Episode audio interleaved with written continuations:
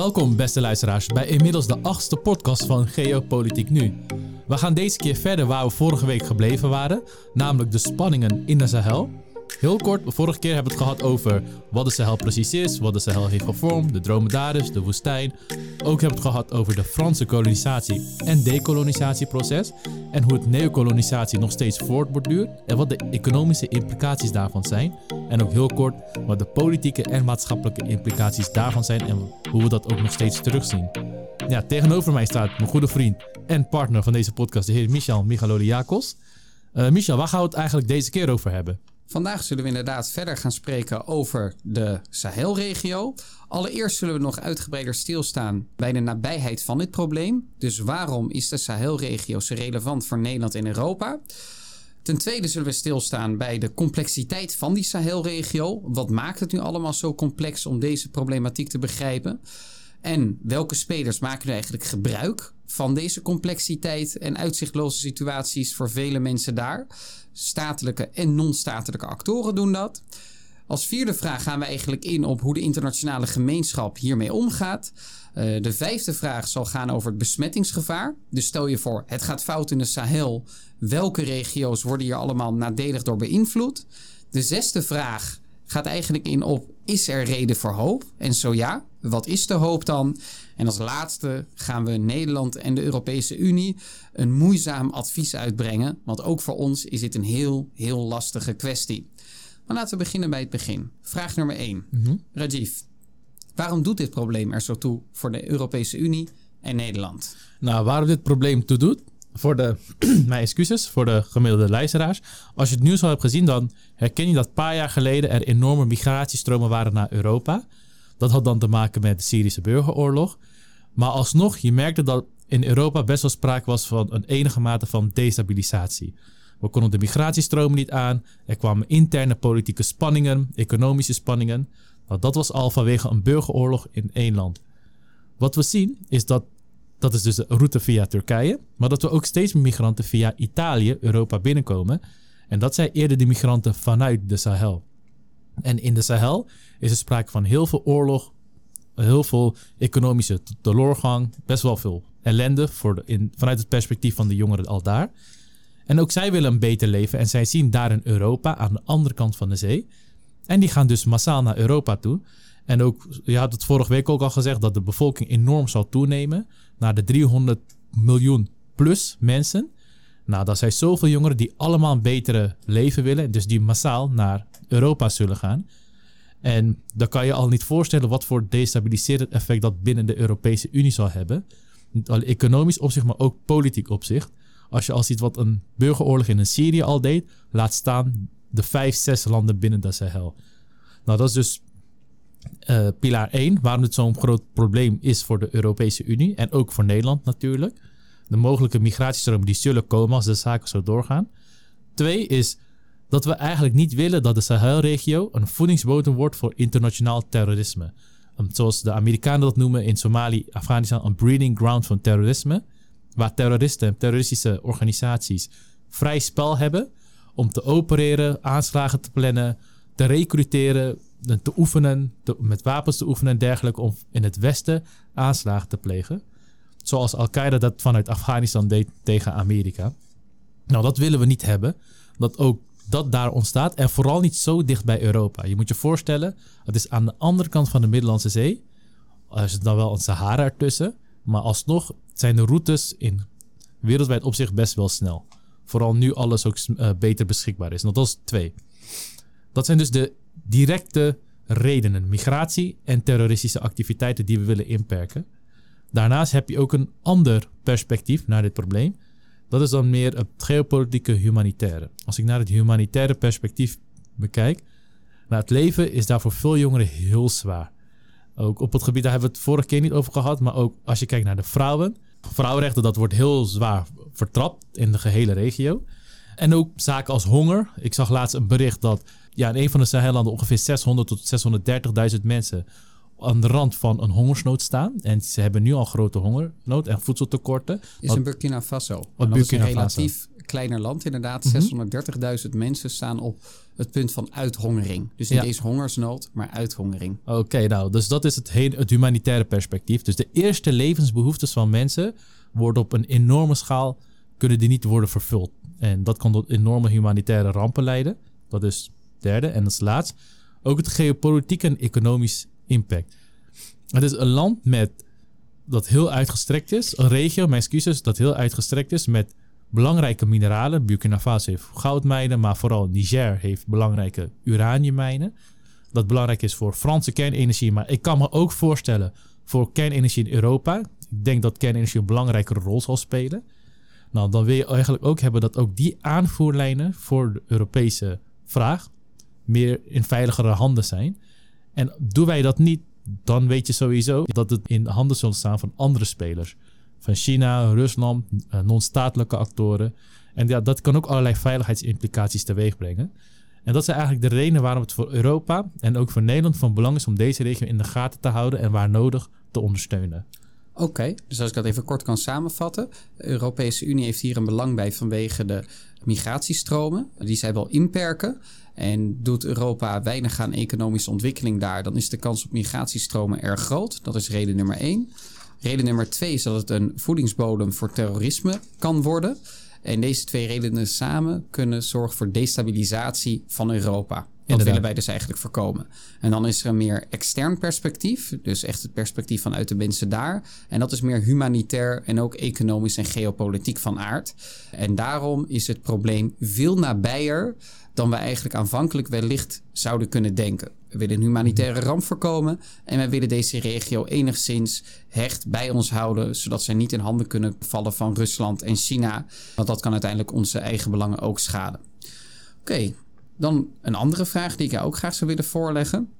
Wat maakt de situatie in de Sahel nu eigenlijk zo complex?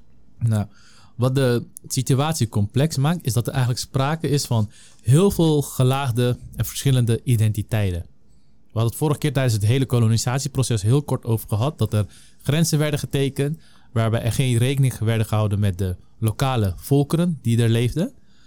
Nou, tijdens het decolonisatieproces zijn dezelfde lijnen gehandhaafd. En je ziet dus dat er sprake is van verschillende volkeren, kunnen gebaseerd zijn op etniciteiten, gedeelde taal, cultuur, uh, maar ook religieuze groepen zijn bij elkaar gestopt of uit elkaar gehaald en in verschillende administratieve bestuurslagen landen gestopt. En dat maakt eigenlijk het probleem in de Sahel enerzijds zo heel complex. Je hebt heel veel lagen door elkaar. Dat is zelfs voor ons. Wij zijn ook bezig met het voorbereiden van een podcast ook van vandaag. Maar ook zelfs wij hadden moeite mee om na te gaan. Wie zijn de spelers en wat speelt er allemaal? Uh, nou, nou, laat gaan voor, voor de gemiddelde persoon. En wat je dan ook ziet is dat de slechte economische situatie. Vanwege de grote gelaagdheid en de staten waarbij niet sprake is van één of enkele identiteiten, zie je dat de staten ook niet in sterk zijn om een sterke economie te creëren en te handhaven. En dat zorgt dus ook voor heel veel armoede. Dus je hebt enerzijds een staten die niet functioneren. En op basis daarvan ontstaat dan ook heel veel armoede. En als derde heb je ook nog eens een grote gelaagdheid in identiteiten. Dat ervoor zorgt dat ja, vooruitgang, progress, moeilijk tot stand kan komen. En dat is heel kort gezegd wat het zo complex en zo moeilijk maakt. En uh, ook zaken als armoede kunnen ook een rol spelen. Maar ja, maar daar weet jij denk ik meer van. Wat, in hoeverre speelt armoede en klimaatverandering hier een rol bij? De economie ziet er inderdaad heel erg slecht uit. In Tjaad bijvoorbeeld, een land met 17 miljoen inwoners, ongeveer net zoveel als Nederland, is de economie 26 miljard dollars groot in het afgelopen jaar. Ter vergelijking, de Nederlandse economie is zo'n 800 à 850 groot. Wij hebben dus, even snel uitgerekend, een meer dan 30 keer zo grote economie. Dat is een bizar groot verschil. Voor iedere 30 euro die wij hebben, mm-hmm. heeft, er, heeft iemand uit Tjaat er één. Dat is dus een heel erg groot verschil. Zelfs als je kijkt naar koopkrachtpariteit, dan zijn de verschillen ontzettend groot. Koopkrachtpariteit betekent eigenlijk gecorrigeerd voor het prijsspel in dat land zelf. Zijn de prijzen natuurlijk wat lager, dus kun je met 1 euro ook meer kopen. Zelfs dan uh, is de armoede ongelooflijk groot. En heb je het over cijfers van boven de 50% die in de armoede zit. Dat is ook logisch als je kijkt naar hoeveel energie er beschikbaar is voor de bevolking. In Tjaad is de elektrificatie voor in rurale gebieden rond de 1%. En de elektrificatie in de steden 14% Dat betekent dat onder de 10% in Tjaad de beschikking heeft over elektriciteit. Een mobiel kan opladen, een laptop kan opladen. Kun je dat niet, dan wordt het ook heel erg lastig om überhaupt economische uh, activiteit uh, te ontplooien. Zowel in de dienstensector als in de industriële sector. Daar hadden we een paar podcasts geleden over gehad. De rol van energie in economische ontwikkeling. En dat zie je hier heel mooi in terug. Dat zie je inderdaad hier heel erg mooi in terug. En uh, in uh, Niger is de, zijn de cijfers ietsje beter. Daar hebben in de steden 60% toegang, ongeveer 60% toegang tot elektriciteit. En op het platteland, in de rurale gebieden, ongeveer zo'n 10 à 15%. Dat is dus ook weer ontzettend laag. Het zal niemand dan ook bevreemden dat verreweg de belangrijkste uh, economische sector de landbouw is, de agriculturele productie. De landbouw wordt dan ook keihard getroffen door de klimaatverandering die heel hard toeslaat in de Sahelregio. De effecten van klimaatverandering zijn ongeveer drie keer sterkte, uh, sterker in de Sahelregio dan elders in de wereld. En in een al heel kwetsbaar gebied, economisch, geografisch en zeker ook uh, ecologisch, gaan die effecten natuurlijk een heel, heel, heel, heel grote armoede veroorzaken. Uh, en dat is iets wat tegengegaan zou kunnen worden. daarnaast is het een heel erg onherbergzaam gebied. Dus nog los van de economische prestaties tot op heden en de klimaatverandering en de effecten daarvan, is het al een heel onherbergzaam gebied waar mensen heel moeilijk kunnen leven. Mhm. De grenzen zijn ontzettend poreus. Dat betekent dat de problemen in een buurland heel grote effecten kunnen hebben in jouw eigen land. En verder zijn er heel breed sterke anti-overheidssentimenten. En dat ligt natuurlijk ook in het verlengde in van uh, wat Rajiv net zei.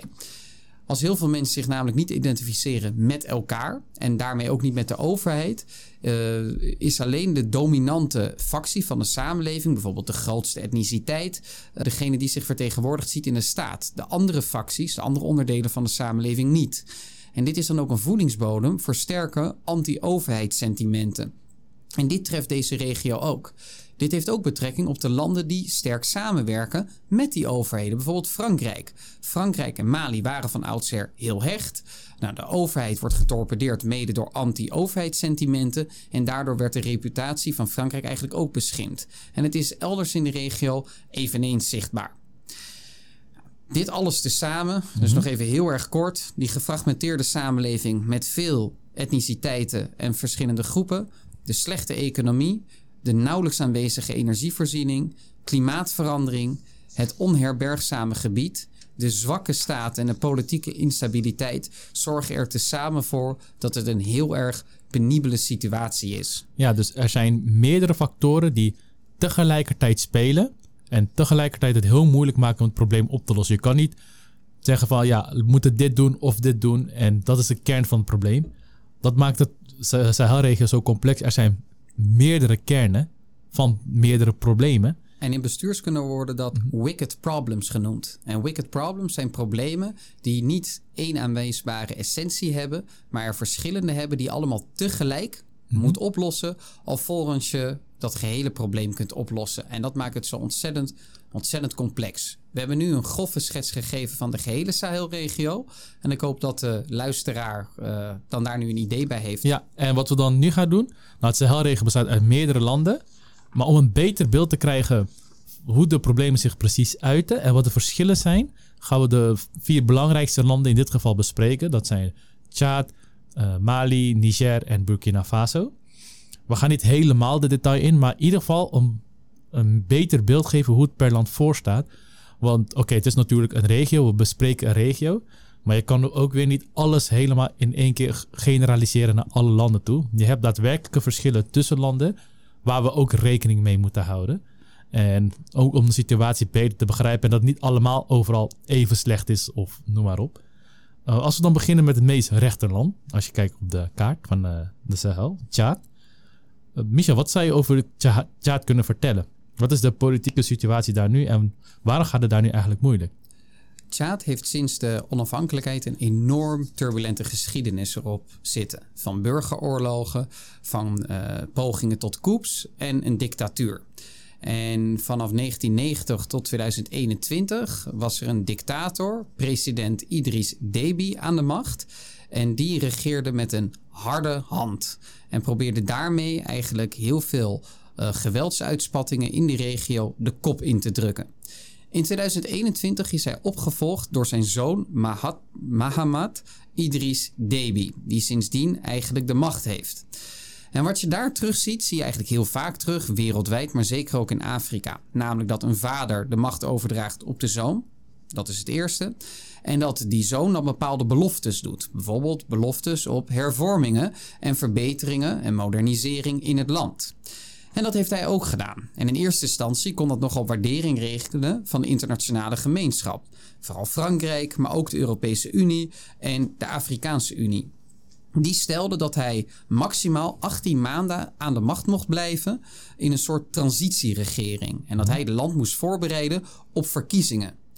Inmiddels heeft hij die transitieperiode uh, verlengd met een jaar of twee. En daarnaast heeft hij volledig tegen de afspraken in zichzelf gekandideerd om wederom president te worden. De bedoeling was eigenlijk dat hij de verkiezingen zou organiseren en dat hij daarbij zelf niet zou deelnemen. Hierin is hij dus eigenlijk tegen de afspraken ingegaan. Daarnaast heeft er ook een vredesoverleg plaatsgevonden in Qatar. Je moet je voorstellen, wat we eigenlijk hiervoor ook al geschetst hebben, dat ook Tjaad een enorm gefragmenteerd land is. Van heel veel verschillende etnische en religieuze groeperingen. Zo'n 60% is islamitisch, zo'n 40% is christelijk. In het buurland Soudaan heeft dat uiteindelijk geleid in enorme geweldsuitspattingen tussen het islamitische Soudaan en het christelijke Zuid-Soedan. En dat zijn dan inmiddels uh, uh, twee onafhankelijke staten in Tjaad is er wel eens de angst geweest dat, het, uh, geweest dat hetzelfde zou gebeuren. Nou, om die groepen toch bij elkaar te krijgen, uh, is er in Qatar een groot vredesoverleg eigenlijk ingepland. Dat enkele maanden geleden, zo'n twee, drie maanden geleden, werd beklonken met een deal. 43 facties van Tjaad hebben dat, ondertekenen, hebben dat ondertekend en zo'n acht niet. Onder die acht zitten ook bepaalde heel gewelddadige, wat grotere groeperingen die zich reeds gekeerd hebben tegen dit akkoord. Tegelijkertijd hebben deze 43 facties wel besloten, en onder leiding natuurlijk van president Deby, uh-huh. om de uitnodiging langere tijd in stand te houden. Zij kunnen zich dus nog aansluiten bij dit vredesakkoord. Ja, dus het is een nieuw pad naar voren. Maar dat is wel interessant wat je net aangaf, is je hebt meerdere uh, volkeren, etniciteiten, of je het wil indelen etnische lijnen of in taal, cultuur, religieuze lijden. Maar dat het echt door kan gaan. Je gaf net aan Soudaan, Zuid-Soedan, christelijk, islamitisch. Nou, meer mensen zouden kunnen zeggen, nou, de split je het land op langs die religieuze lijnen. Maar je gaf aan, er zijn in totaal, als ik het optelt, 51 facties in Tjaad, als je de ondertekenen en niet ondertekenen optelt.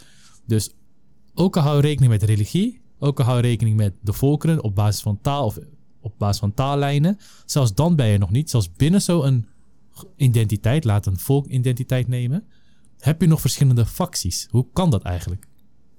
Dat heeft natuurlijk te maken met de heel lange geschiedenis van Tjaad. En het was voorheen een heel erg dun bevolkt gebied, waar mensen niet heel erg met elkaar optrokken, mhm. omdat de mobiliteit laag was. En dat de mobiliteit laag was, had natuurlijk te maken met dat onherbergzame gebied. Dus mensen konden elkaar niet veel ontmoeten. Ontmoeten mensen elkaar niet zoveel, dan is de mhm. consequentie natuurlijk dat je je eigen identiteit behoudt. En het is precies daar ook het geval geweest. En dat is dan met betrekking tot identiteit. Mm is ook nog gewoon sprake van bepaalde belangen binnen mogelijkerwijs dezelfde identiteit. Dus groepen die dezelfde religie, cultuur, etniciteit en religie erop na kunnen houden, mhm. kunnen alsnog op basis van belangen tegenover elkaar komen te staan.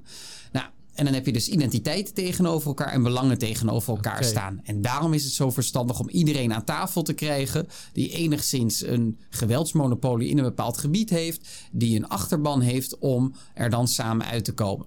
De vraag is nu, maar dat is mijn eerlijke antwoord, of de situatie zal gaan verbeteren. Dat is nu moeilijk in te schatten, uh, want inmiddels heeft Deby uh, de afkeuring gekregen van Frankrijk, de Afrikaanse Unie en de EU, omdat hij uh, zijn eigen presidentschap tegen de afspraken in verlengd heeft. Mm -hmm. En de vraag is ook of hij intern de situatie stabiel kan houden.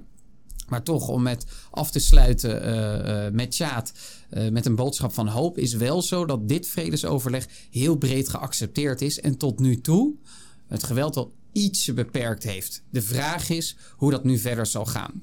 Als we dan nog inzoomen, toch nog even op die economische schets, dan is het opvallend om te zien dat de belangrijkste handelspartners van Tjaad China, Cameroen, Frankrijk, Verenigde Staten en India zijn. En dat heeft betrekking op de importen, de exporten. Uh, grootste exportpartners zijn de Verenigde Staten, China, Nederland en de Verenigde Arabische Emiraten. En wat vind ik hier nou zo opvallend aan? Is dat in deze top 5 geen enkel ander Sahelland genoteerd Inderdaad. staat. En dat zegt heel veel. Er is bijna geen land in de wereld dat economisch sterk is, dat niet veel handel heeft met zijn eigen buurlanden. En dit is denk ik een kwaal die het gehele Afrikaanse continent teistert. Dat zij heel vaak een schaakbord zijn van andere geopolitiek sterke landen.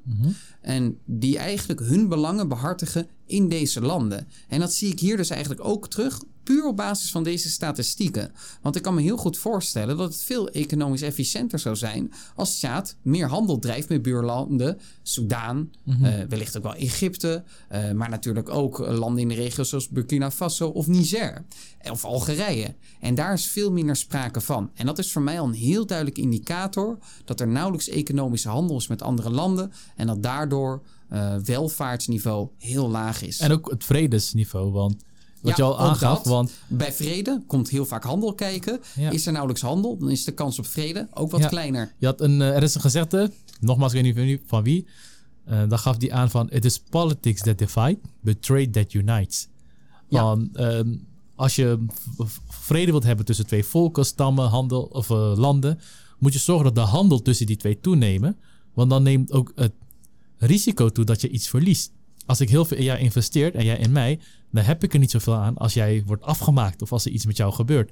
Dat Ja, een aandeel in elkaar, zoals de Rabobank zei. Als ik een aandeel heb in jou, dan ga ik ook om jouw welzijn geven. Ja. Omdat het mij direct treft. Klopt, precies. En dat zie je inderdaad hier eh, weinig in terug. Ik denk ook een heel ander onderwerp. Maar dat, ik denk dat dat een van de grootste redenen is waarom in Europa geen oorlog is uitgebroken. Omdat we zo grote handel, onderling, onderlinge handel hebben.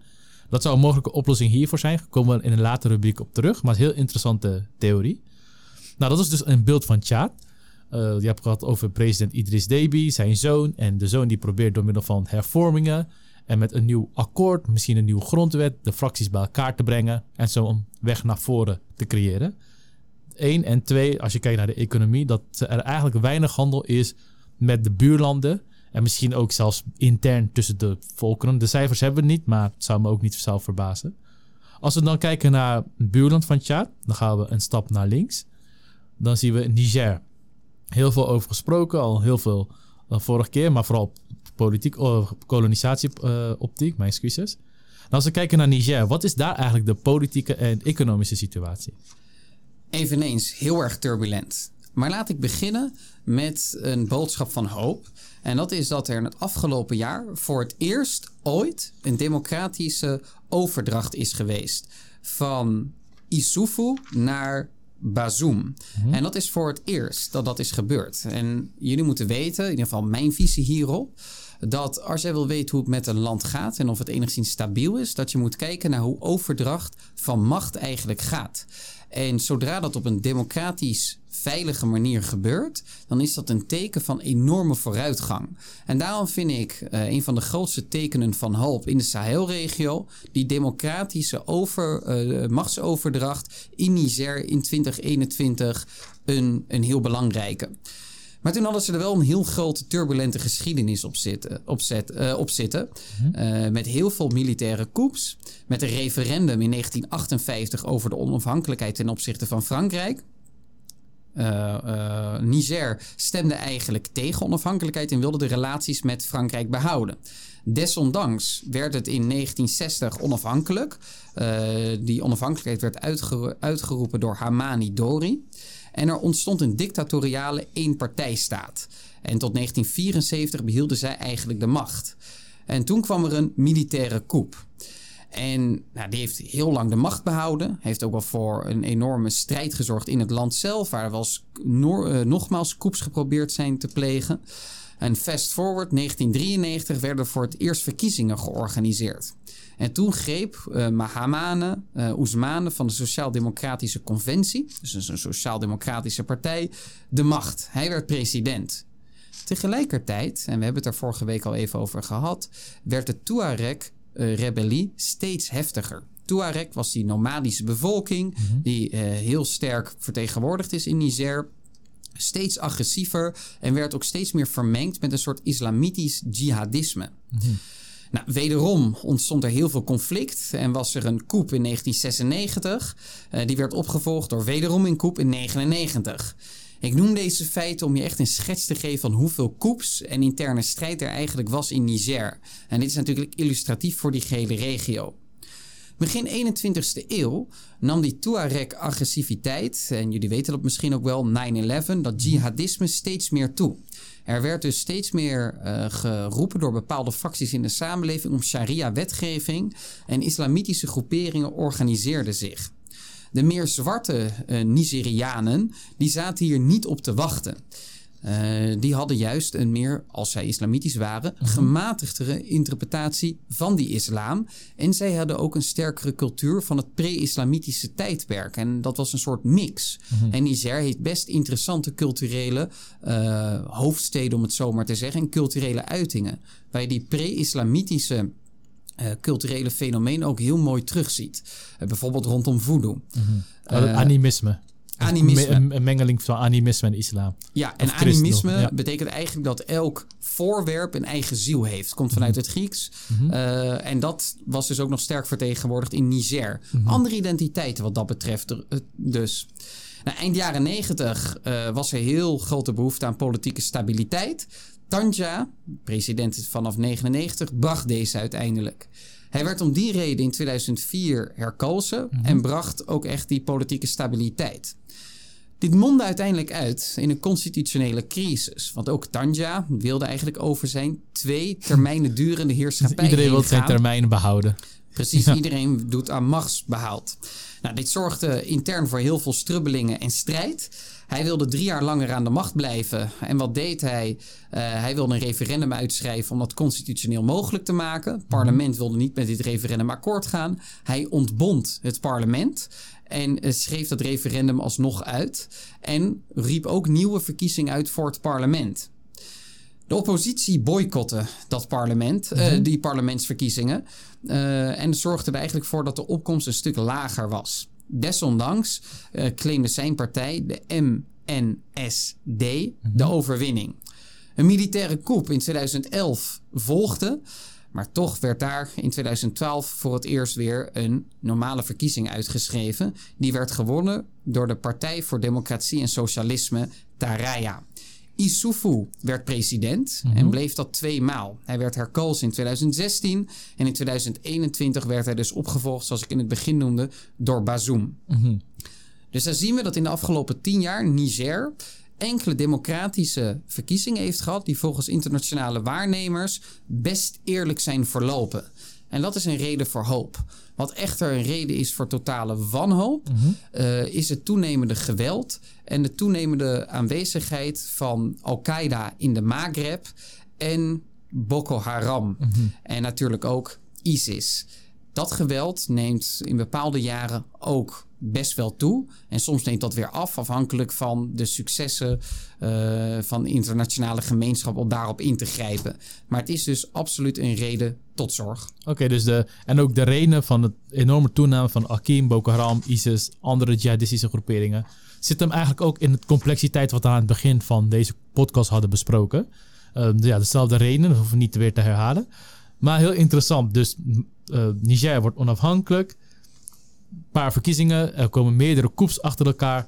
Uiteindelijk komt er, is er de hoop, een democratisch gekozen regering. Maar uiteindelijk de, de president wordt langer blijven. Komt er weer een coup, weer een verkiezing. En uiteindelijk is er sprake geweest in 2016, als ik het goed, van een uh, eerste democratische machtsoverdracht. 2021. Oh, 2021, vorig, jaar. vorig jaar was dat. Nou, dat is wel een punt van hoop, inderdaad. Als je ziet dat er sprake is van een democratische, rustige machtsoverdracht, vooral ook als het van een andere partij is, dan kan je, wel, ja, kan je daar wel meer hoop uitputten dat het hopelijk structureel zo zal blijven. Er is één punt wat ik wel interessant vond. En ik wil graag jouw optiek uh, over horen. Is je gaf aan dat vanaf de tweede, 21ste eeuw, vanaf de jaren 90, zie je dat eigenlijk het, het jihadisme, het, het salafisme steeds groter wordt, overal in de wereld. Uiteindelijk mondt het uit in de 9-11 attacks. Maar ook in Afrika zie je het jihadisme steeds toenemen. Hoe komt het eigenlijk, en we hadden het zelf onderling over uh, dat het jihadisme sterk toeneemt vanaf het einde van de Koude Oorlog. Dus waar je eerst ziet dat groepen die ontevreden waren, de kant van het communisme kiezen, of ook criminele groepen die uh, zich een kant van het communisme kozen. Dat je nu ziet dat sinds het einde van uh, de Koude Oorlog ze in deze regio meer voor de jihadistische ideologie kiezen. Uitstekende vraag. Ik denk dat alles uh, valt samen te vatten met strategy for survival. En dat is strategie om te overleven. En biedt de status quo jou heel weinig aan, alleen maar armoede en wellicht ook uitsluiting, een perspectiefloos bestaan, dan ga je op zoek naar alternatieven. En waar dat tot en met de jaren tachtig nogal snel geboden werd, bijvoorbeeld door het communisme, mhm. en dat gesteund werd door de Sovjet-Unie of door China, zien we vanaf de jaren negentig een heroriëntering op dit uh, punt terug, omdat de Sovjet-Unie is ingestort en daarmee ook de communistische ideologie voor in ieder geval een behoorlijk uh, groot deel. En deze, dit vacuüm wordt eigenlijk opgevuld, is, is onze inschatting, want ik denk dat ik ook namens jou spreek, mhm. door jihadistische sentimenten die gefinancierd worden vanuit onder meer de golfstaten. En dat mensen die niet hun uh, strategy for survival uh, bevredigd zien in bepaalde landen, dan hun oren te luisteren leggen bij jihadistische imams mhm. die gesponsord worden vanuit die golfstaten, dus oliegelden. Daar komt het in de kern op neer.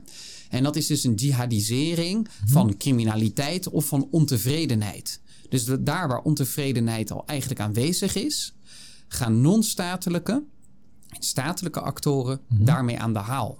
En proberen dat te voorzien van een jihadistisch laagje, dimensie, mhm. uit eigen belang. Maar eigenlijk zijn die belangen soms misschien parallel lopend, mhm. maar vaker niet dan wel. En gaat het gewoon om armoede voorkomen, uitsluiting voorkomen en een meer perspectiefrijk bestaan willen hebben. En zorgen dat jij je kinderen überhaupt te voeden hebt. En helemaal niet om het uitdragen van een soort salafisme. Mhm. En dit is dan denk ik ook op een bepaalde manier een reden tot hoop. Namelijk dat als wij uh, dat meer weten uit te bannen, die uitsluiting, die armoede en meer perspectief uh, weten te bieden, dat veel minder mensen zich aangesproken zullen voelen mm tot dat jihadisme. Ja, dat zie je eigenlijk in uh, meerdere revoluties in terug. Ik heb laatst een documentaire gezien over de communistische revolutie in Rusland. Dan zie je ook de mensen die daarvoor kozen eigenlijk niet zo militant waren. Ze wilden gewoon een beter leven. Alleen dat was het enige perspectief, of het enige optie wat er nog was. Ja, dan kozen ze daarvoor.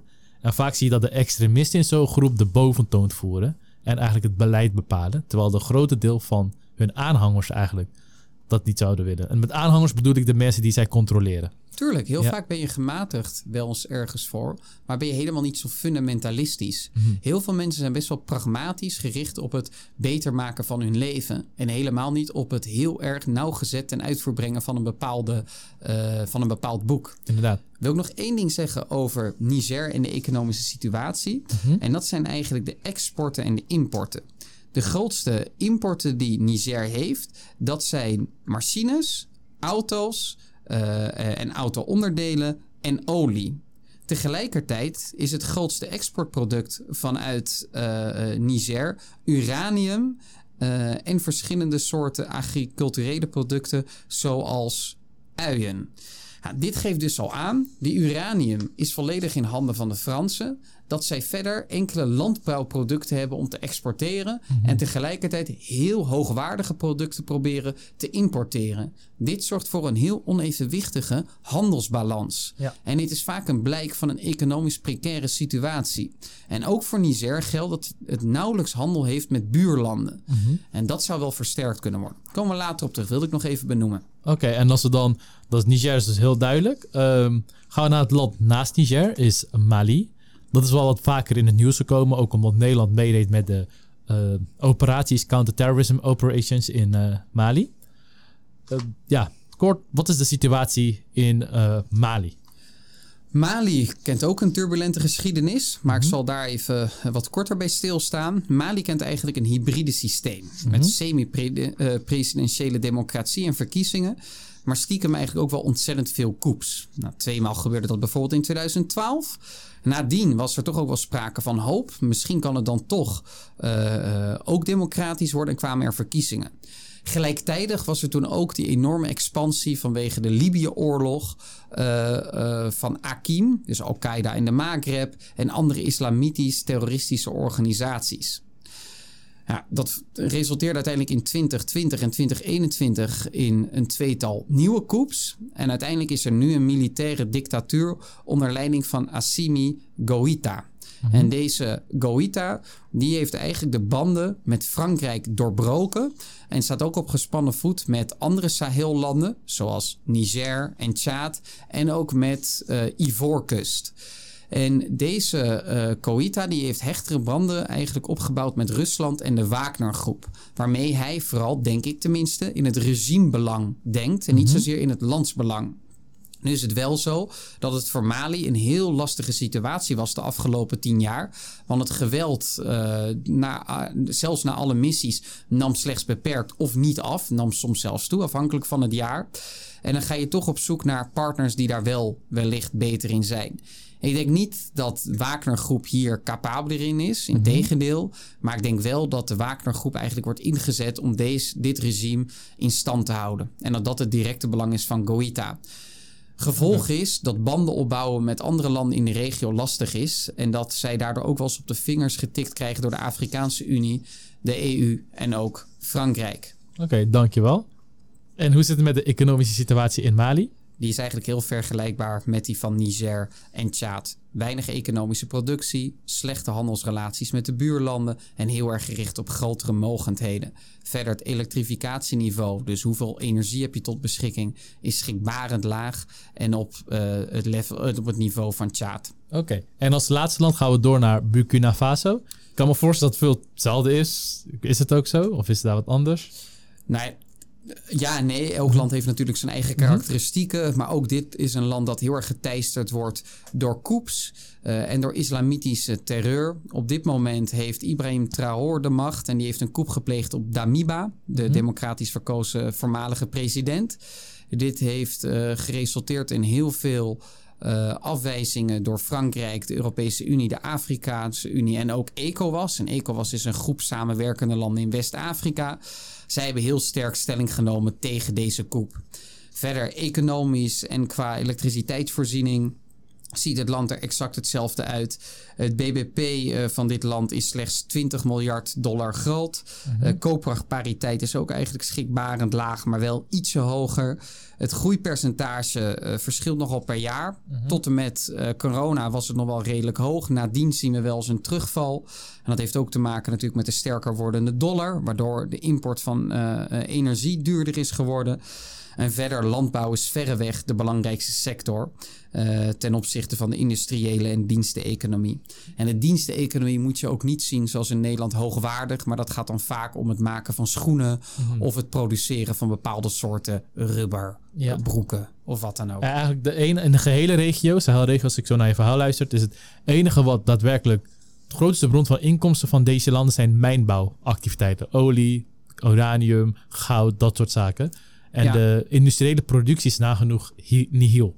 Ja, die is heel laag. En wie mhm. profiteren nou het meest van deze mijnen? Dat zijn uh, buitenlandse mogendheden. Dus voor de bevolking zelf is landbouw verreweg de belangrijkste sector. Wat ik nog verder over Burkina Faso wil zeggen, is dat het nu voor zo'n 40% niet meer onder staatscontrole is.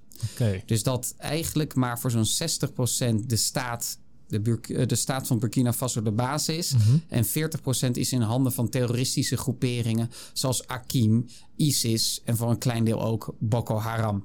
Oké, en dan ja, laat staan hoe de situatie voor de bevolking daaronder is. Mm, ja. Nou, we hebben de landen dan besproken.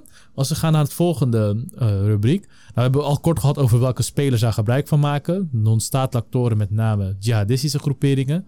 Die gesteund worden door al dan niet staten uit het Midden-Oosten, maar ook non-statelijke ja, sponsoren uit het Midden-Oosten, uit de Golfstaten.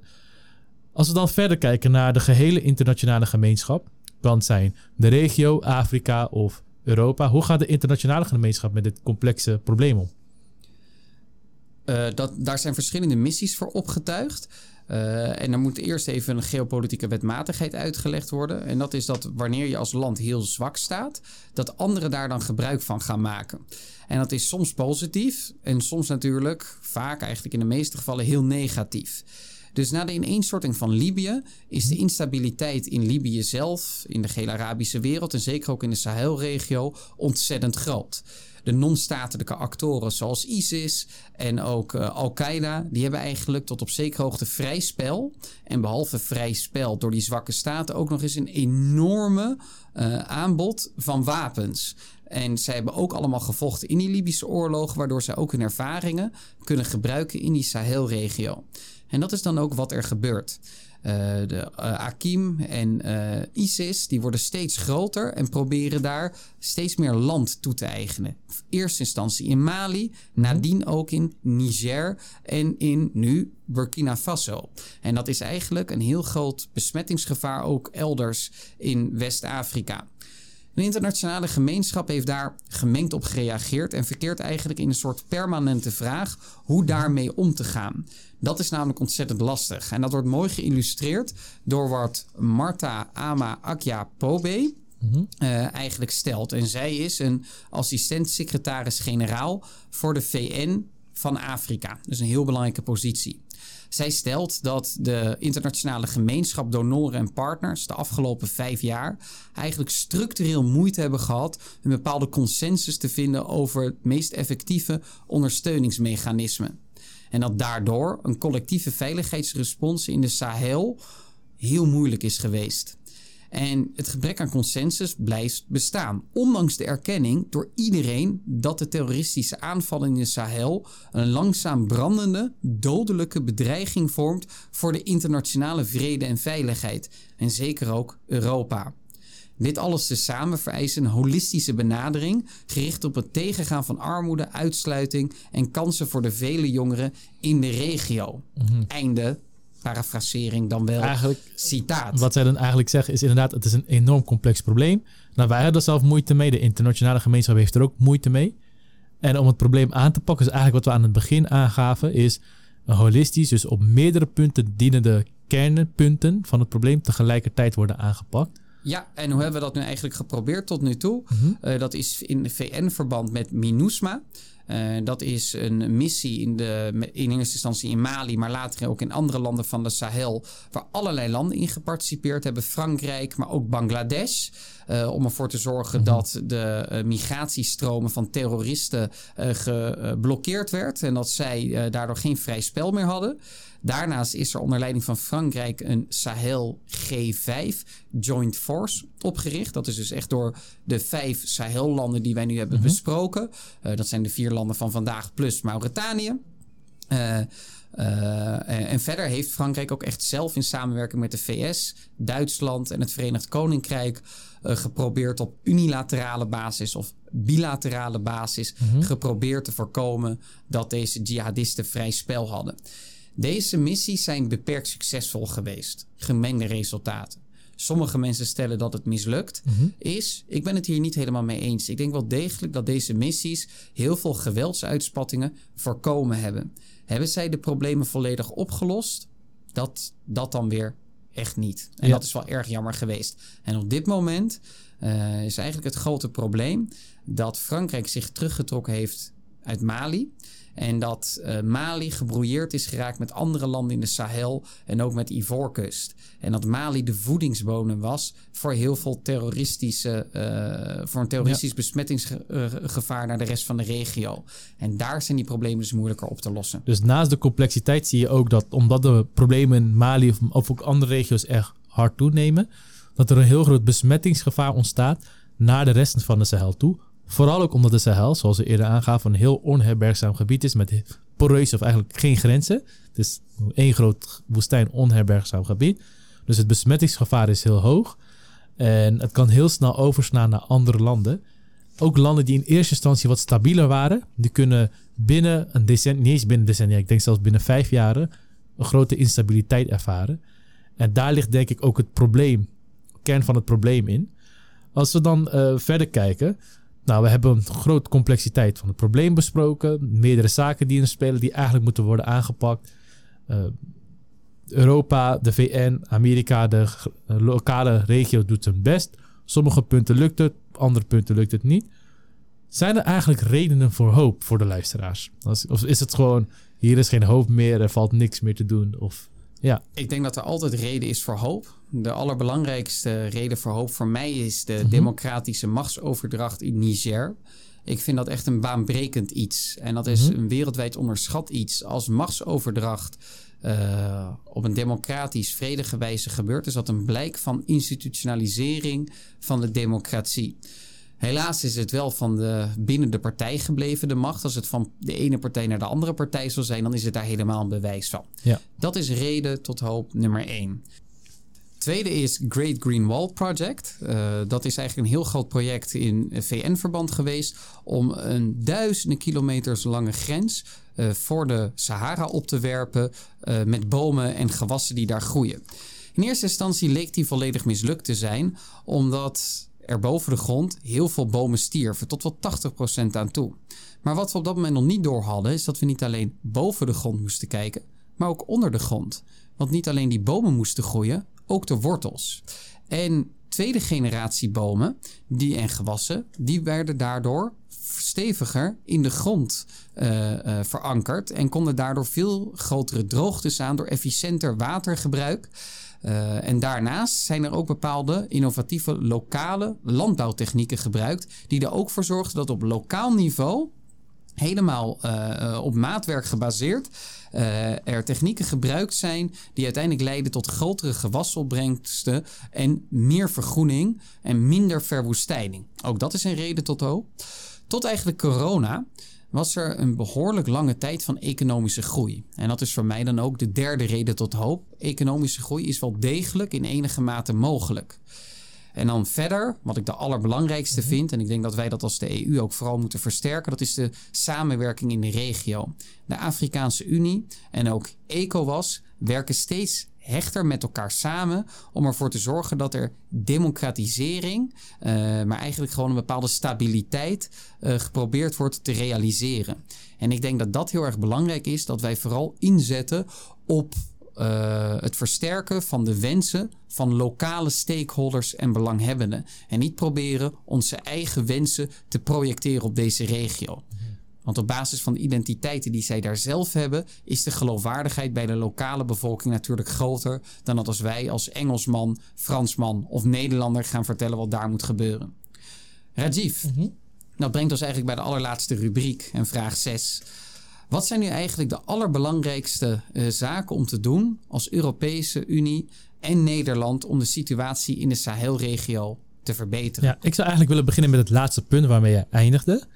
Is de, het versterken van de regionale samenwerking. Inderdaad, ik geloof er zelf ook in dat, kijk, dat een Europa of een VN of een Amerika of Europese Unie ingrijpt wanneer het echt niet anders kan. Dan kan het niet anders als een jihadistische groepering echt een heel land recht over te nemen dan kan ik begrijpen dat, je de, dat de Europese Unie inspringt, gezien ook de militaire macht die wij hebben en de middelen. Maar dat is echt een troefkaart dat we op het aller, allerlaatste moment moeten gebruiken. Want zodra dat wordt ingezet, heeft het ook. Het is een sterk medicijn, werkt. Maar sterke medicijnen hebben ook sterke bijwerkingen. Nou, je wilt dat dus voorkomen met uh, uh, niet zo sterke medicijnen. Dat is regionale samenwerking versterken. En de EU en Nederland, maar vooral de EU, heeft decennia lang enorm veel kennis, wijsheid en ervaring in samenwerkingsverbanden. Hoe creëer je een unie? Hoe creëer je afdelingen? Hoe creëer je forums waar landen bij elkaar kunnen komen en met elkaar in gesprek kunnen gaan? Nou, dat is kennis dat denk ik zelf dat nergens in de wereld is. En wat de EU, de Afrikaanse Unie en de EU, eh, de ECOWAS heel sterk in zou kunnen bijstaan. Van we helpen jullie met het creëren van jullie organisatie en we financieren het grotendeels ook. We financieren dat mee. Ik denk dat dat een heel belangrijk onderdeel is. Ehm, en ik denk dat als dat eenmaal is gedaan, dat zaken als economie, energievraagstukken, dat dat dan makkelijker kan worden opgepakt. Omdat er al een platform voor samenwerking is. En je alle platforms waar landen elkaar kunnen helpen in het voldoen aan economische vooruitgang. En ook uh, het bouwen van energieinfrastructuur. Je gaf aan energieinfrastructuur. Energiearmoede is heel hoog. Nou, creëer eerst dat platform en dan kunnen ze samen dat aanpakken. Ik denk dat het een goede is inderdaad, vooral de energieinfrastructuur. Mhm. De Sahel heeft natuurlijk enorm veel eh, potentie om zonne-energie op te wekken. Dat is heel decentraal. Dus het fijne is dat je daar niet heel veel elektriciteitshoog Van die hoogspanningskabel die hoogspanningskabels, die heb je inderdaad niet nodig. Ja. Eh, dus dan kun je heel lokaal voor decentrale opwek van energie zorgen. En dat is denk ik iets wat enorm veel ontwikkeling met zich mee kan brengen. Ja, inderdaad. Dus, dus zo kunnen wij de eenheid ECOWAS en de Afrikaanse Unie echt goed ondersteunen. Doneren, bijstaan, laten ze zelfs nog hier stage volgen, kennisuitwisseling, noem maar op. Helpen met lokale energie-infrastructuur aanleggen. Daar hebben wij ook heel veel ervaring mee als eh, Europa. Is energie er eenmaal ook om economische vooruitgang vanzelf? Daar ben ik zelf ook van overtuigd. Natuurlijk als we ook de Great Green Wall Project eh, mee bijstaan. En natuurlijk heb je ook de humanitaire zaken als met name de vrouwenrechten. Ja, de vrouwenrechten zijn daar heel miniem. Ik ben er zelf persoonlijk niet voorstander van dat wij direct vrouwenrechten organisaties gaan ondersteunen. Waarom? Dan zouden de terroristische of andere groeperingen weer kunnen zeggen: kijk, dit is een neocoloniale inmenging. Zelf zie ik meer in dat wij de ECOWAS of de lokale regionale gemeenschappen dat geld geven. En dat zij dat geld kunnen uitgeven aan lokale vrouweninitiatieven, subsidies, noem maar op. Maar dat het dan vanuit Afrikaanse handen dat geld wordt verdeeld. Althans, zo kijk ik ernaar. Oké, ja, ik zelf zou wel graag willen dat die vrouwengroepen actief ondersteund worden. Ik denk dat het Mhm. wel zeker positieve effecten kan hebben. En ik denk ook dat wij als voorwaarde aan steun moeten stellen dat vrouwen bepaalde posities mogen eh, vervullen. Ja. En dat wij ook subsidies gaan uitkeren direct aan vrouwen, zodat hun positie binnen de gemeenschap versterkt wordt. Maar allereerst moet je natuurlijk voordat je geld kunt uitkeren zorgen dat mensen een pinpas hebben. Daarvoor is financiële dienstverlening ook van belang. India neemt hier grote stappen in. Die heeft daar een heel brede infrastructuur die eh, laagdrempelig eh, op schaal te brengen is. die wij kunnen overnemen en daar kunnen implementeren. Dus dat lijkt me een verstandig idee. Nog het allerlaatste. En dan gaan we echt naar de afsluiting van deze podcast toe. En dat is die verschillende identiteiten. En ik denk dat elke, la- elk land op dit moment daar wel mee te kampen heeft. Dat de identiteit niet helemaal strookt met het land. Maar dat we desondanks moeten proberen van elk land in ieder geval een federatie te maken. waarbinnen wel autonomie voor elke identiteit eh, mogelijk is. Eh, want anders eh, eh, kan dat gepaard gaan met heel veel geweld. Als elke etniciteit probeert een eigen land te stichten. Dus ik denk dat wij moeten inzetten op land versterken, staatinterventiemacht versterken en tegelijkertijd meer ruimte voor autonomie, zodat elke land, elke groep zich enigszins, in- enigszins kan identificeren met de bestuurslagen die ertoe doen. En ook niet bang hoeft te zijn voor de volkeren om hen heen. Van die gaat mij overheersen. Dat is dan niet nodig als je zelf al heel veel autonomie hebt. Dan is de angst ook niet meer nodig. En ik denk als er geen weinig angst is, dat de bereidheid voor handel ook weer toeneemt. Zeker. Ehm, dat zou in ieder geval de stappen kunnen zijn. Eh, maar in ieder geval, dat was dus de podcast voor deze week. We hebben de, eh, situatie van de Sahel besproken. Het is natuurlijk voortgegaan op de vorige podcast. We hebben vandaag meer gekeken naar de landspecifieke situatie zelf. Wat het probleem zo complex maakt. Eh, wat de impact is van internationale, non-statelijke en statelijke actoren. Wat we hebben gedaan in, als internationaal gemeenschap om het probleem zoveel mogelijk te tackelen. En wat de mogelijke redenen zijn voor hoop en hoe we de situatie zouden kunnen verbeteren. Nou, dat was dus de podcast voor deze week. Ik hoop dat jullie zo meer afscheid hebben kunnen nemen van jullie ongeïnformeerde zelf. En dan zien jullie graag de volgende keer. Nog een fijne dag.